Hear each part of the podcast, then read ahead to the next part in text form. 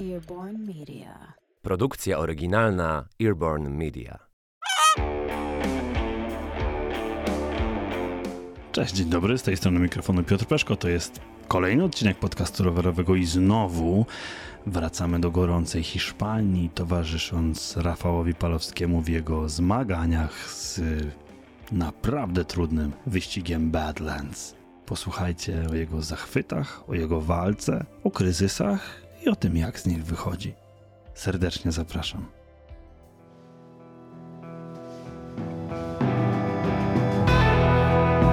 Rafał Palowski. I am Badlands. Środa, dzień czwarty. Do Gergal 390 km wjechałem podekscytowany jak nigdy wcześniej, bo też nigdy wcześniej nie dane mi było zjechać niemal 1000 metrów w ciągu 20 km asfaltowych serpentyn. Każdy kolejny zakręt dawał mi niebywałe poczucie jedności z rowerem i nawet niespecjalnie przejmowałem się, że moje hamulce grają donośny koncert. Uczucie towarzyszące temu odcinkowi jest trudne do opisania. Przemieszczanie się z taką prędkością, zwinnością i gładkością to jeden z najpiękniejszych flow, jakich doświadczyłem w życiu.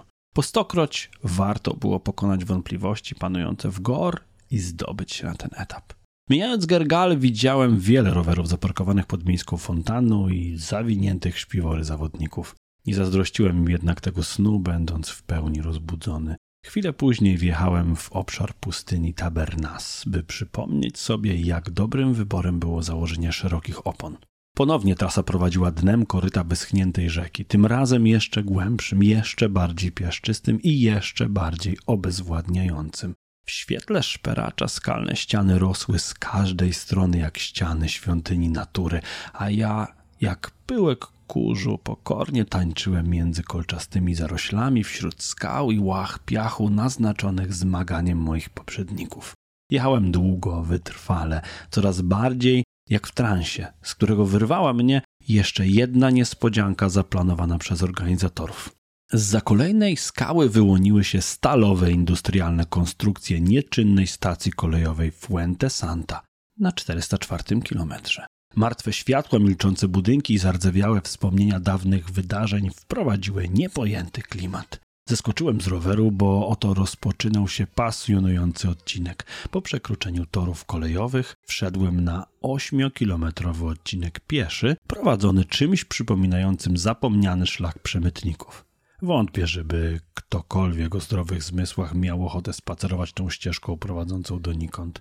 Musiałem jednak stawić czoła kolejnym przepaściom, skalnym ścianom i wąskim przesmykom. Bywały momenty, w których rower musiałem opuszczać centymetr po centymetrze na wiszącą metr niżej półkę. Kiedy indziej zaś nie wiedziałem, czy jedyne stabilne miejsce poświęcić na postawienie stopy czy opony. Tak minęły mi kolejne dwie godziny. Trwał trans.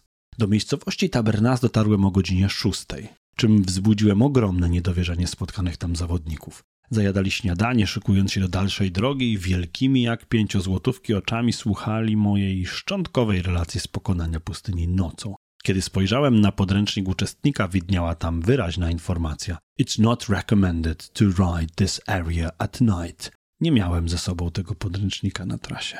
Mój zapał lekko przygasał, więc kolejne półtorej godziny oczekiwania na otwarcie sklepu spędziłem drzemiąc na ławce i ładując urządzenia. Jeśli miałem zdążyć na metę, nie mogłem pozwolić sobie na dłuższy odpoczynek. Niestety ta drzemka spowolniła mnie do tego stopnia, że zanim pozbierałem myśli, sprzęt i zrobiłem zakupy, nastała 9.30. Z nieplanowanym opóźnieniem ruszyłem po zdobycie przełęczy Collado Colativi 1306 metrów nad poziomem morza w paśmie Sierra del Alhamia. Niełatwa wspinaczka, było brzydko, kamieniście gorąco i bardzo stromo. Miałem nie najlepsze mniemanie o tym odcinku i o sobie samym, a podtrzymywał mnie jedynie lekko mentolowy posmak mojego izotonika. Na górze czekało mnie zaskoczenie. 22 km podjazdu i 980 metrów przewyższenia pokonałem godzinę szybciej niż wynikało to z wcześniejszych obliczeń. Ten sukces otworzył mi drogę do etapu pozornie najwygodniejszego, czyli zjazdu do wybrzeża Cabo de Gata. Następny duży podjazd dopiero za 125 kilometrów. Zanim zobaczyłem Morze Śródziemne z bliska, czekał mnie jeszcze jeden sprawdzian hartu ducha, który niestety oblałem. Po minięciu miejscowości Niar, 446 km, odbiłem na północny wschód drogami wśród ogromnych cieplarni. Szklarni, ale wykonanych z folii, przez co nie poczułem jeszcze największego przeciwnika pracującego już nad przyciśnięciem mnie do najgłębszego dołka tego wyścigu. Za moimi plecami rozpędzał się obszar potężnego wiatru wiejącego ze stałą prędkością 14 metrów na sekundę z porywami. Doświadczyłem go dopiero, gdy minąwszy zrujnowane plantacje i opustaszałe miasteczka pełne industrialnych śmieci, działające mocno negatywnie na morale, po ominięciu ziejącego przerażającą pustką historycznego PGR-u pośrodku spalonej równiny, po brawurowym zjeździe przez teren porzuconej przed laty kopalni kamienia, starałem się przekroczyć malutką przełęcz oddzielającą mnie od morza. Marzyłem o tym, aby prosto z niej wjechać w spienione fale i podziękować w ten sposób ciału za całą sprawność, jaką dotychczas się wykazało. Zamiast tej odświeżającej przyjemności dostałem prosto w pysk od wiatru, jak pięścią wymierzoną w sam środek piersi. Cofnęło mnie o metra, ta licha nadzieja związana z wykąpaniem się w morzu rozpierzchła się jak nieznaczące wspomnienie. Z trudem, bo musiałem pedałować także jadąc w dół, dotarłem do miejscowości San Jose, wyzuty całkowicie z sił. Kto zmagał się z wiatrem w czasie długiej jazdy, ten doskonale wie, jak szybko znika energia, chęć do jazdy i wszelki optymizm. Ponownie doświadczyłem spadku nastroju. Zaczęły pojawiać się myśli kalkulujące szanse, ale przecież od dawna było jasne, że żadna kalkulacja nie działa na moją korzyść i tylko dzikość serca wbrew rozsądkowi pcha mnie do przodu. Wątpliwości nawarstwiały się, a ja jechałem resztką sił, samemu już nie wiedząc w to, co robię. Chciałem załagodzić sytuację jogurtem i Coca-Colą, moją największą przyjaciółką tego wyścigu, a gdy siedziałem tak na krawężniku, zalewając smutki, zobaczyłem, jak podmuch wiatru przewraca rower na stronę napędu, wyginając hak przerzutki. To był moment spustowy. Po prostu nie wytrzymałem. Nawet sprzedawczyni ze sklepu wyszła, aby poklepawszy mnie po plecach upewnić się, że ten płaczący na chodniku człowiek jakoś się trzyma. Byłem jednak zdruzgotany. Rozpadałem się na kawałki. W mojej głowie przeciwności zaczęły piętrzyć się wyżej niż mijane, dotychczas wzniesienia razem wzięte. Za mało czasu. Brak zasilania do lampki nocnej, awaria napędu, za daleko do noclegu. Wszystkie małe i duże rzeczy przekroczyły moją wytrzymałość w tamtym momencie. Zrobiłem zakupy smutku. Siatkę pełną owoców, żelki, kolejny jogurt i Coca-Cola, z którymi tempem ślimaka potoczyłem się do pobliskiego rezerwatu, nie bacząc na zakaz biwakowania. Położyłem rower na piachu. Zdjąłem kask, czapkę, okulary. Rzuciłem na ziemię rękawiczki, sam też padłem na piach i powiedziałem sobie, tak kończy się ta historia.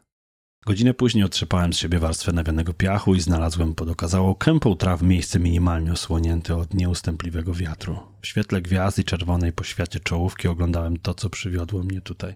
Dzielny rower, który wbrew obawom ani przez chwilę nie wykazał żadnej słabości. Skrupulatnie dobrany sprzęt na każdą ewentualność, zapas jedzenia, tego na trasę i tego z ostatnich zakupów. Przyglądałem się opaleniźnie na moich ramionach, która w nocnych ciemnościach wyglądała jakbym miał założone czarne rękawiczki. Moczyłem stopy w zbyt zimnej na kąpiel morskiej wodzie i trwałem tak w emocjonalnej pustce. Wtedy przyszedł SMS. Mój przydługi postój zwrócił uwagę obserwatorów kropki numer 036, którzy zdalnie kibicowali moim postępom, nie mogąc przecież domyślać się, w jakim jestem stanie i że mentalnie nie jestem już uczestnikiem tego wyścigu. Wstawaj, rusz dupę, żeby to skończyć. Wstań i z samego rana zapierdalaj. W prostych żołnierskich słowach znalazłem iskrę, która dała zalążek ponownemu rozważeniu moich szans. Warunków było wiele, jeżeli wystartuję o siódmej, jeżeli pojadę, używając tylko skromnego oświetlenia pozycyjnego, jeżeli utrzymam dotychczasową średnią, jeżeli pokonam noc chociażby z minimalną prędkością, jeżeli nie będę się zatrzymywał, to teoretycznie mam szansę zmieścić się w limicie. Jeśli właśnie dotarłem do dna, to stąd mogę ruszyć już tylko w górę. Am I a strong rider? Czwartek, dzień piąty. Wstałem przed świtem, a w głowie szumiały mi echa emocji poprzedniego wieczoru. Z dobrze znaną mi skrupulatnością, według znanej na pamięć rutyny, zebrałem mój skromny biwaczek, zjadłem posiłek i spakowałem rower. Po raz ostatni naciągnąłem na siebie wymęczony kilometrami strój. Ponownie poczułem wilgoć nieschnących od trzech dni rękawiczek i postawiłem pierwszy krok w ostatni etap tego wyścigu. Zacząłem podjazd w kierunku Torre de la Vela Blanca charakterystycznego punktu na zboczu wulkanicznego brzegu, na którym zobaczyłem ogień wschodzącego słońca. Zanim dojechałem do Almerii, pokonując 25 km wzdłuż piaszczystego szlaku EV8 Trans-Andalus, zdążyłem pozbierać myśli i na nowo uzbroić się w ten sam zestaw determinacji i woli, który wypychał mnie dotychczas pod najważniejsze podjazdy Badlands. Wciąż jeszcze obojętnym wzrokiem oglądałem flamingi żerujące w rezerwacie Salinas de Cabo de Gata. Mijałem metrowej wysokości fale napędzane resztkami wczorajszego południowo-zachodniego przeciwnika. Pchałem rower przez piaszczyste przejścia i pędziłem po DDR, obserwując budzące się do życia miasto i spacerujących ludzi.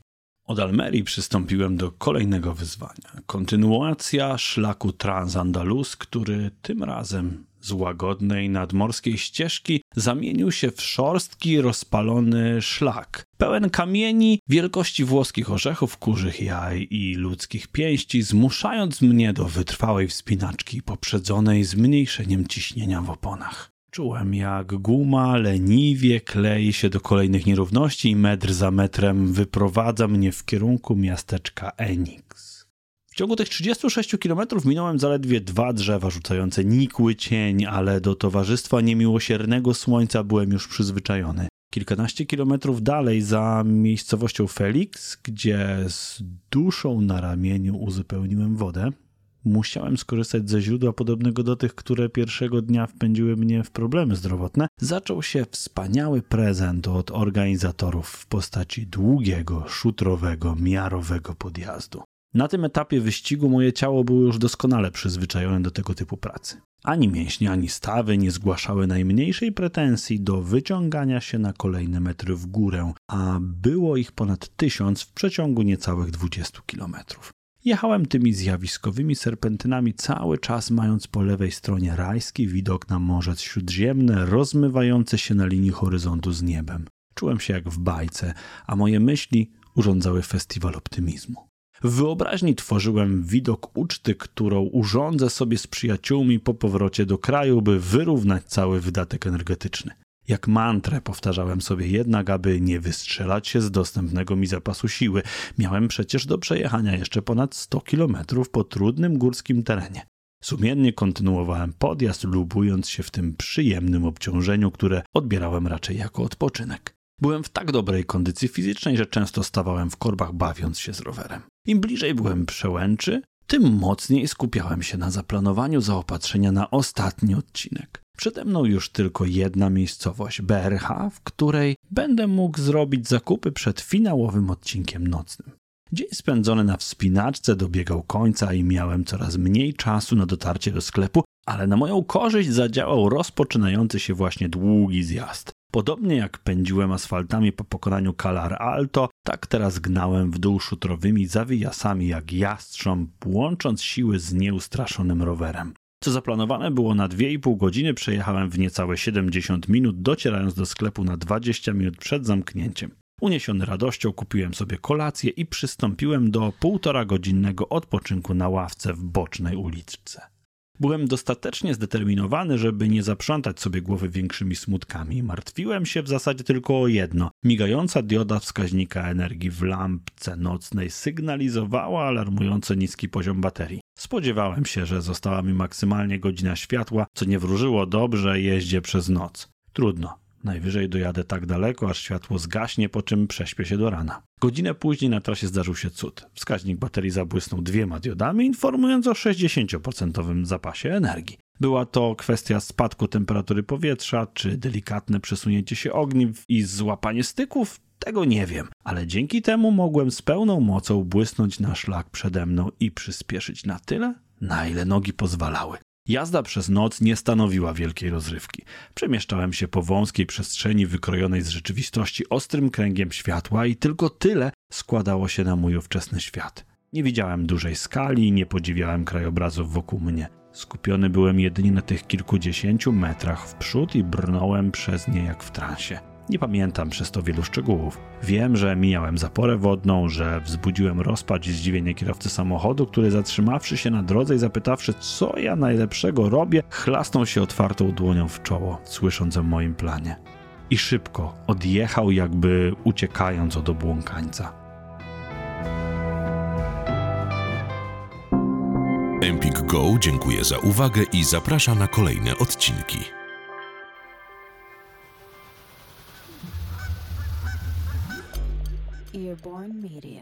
Produkcja oryginalna Earborn Media.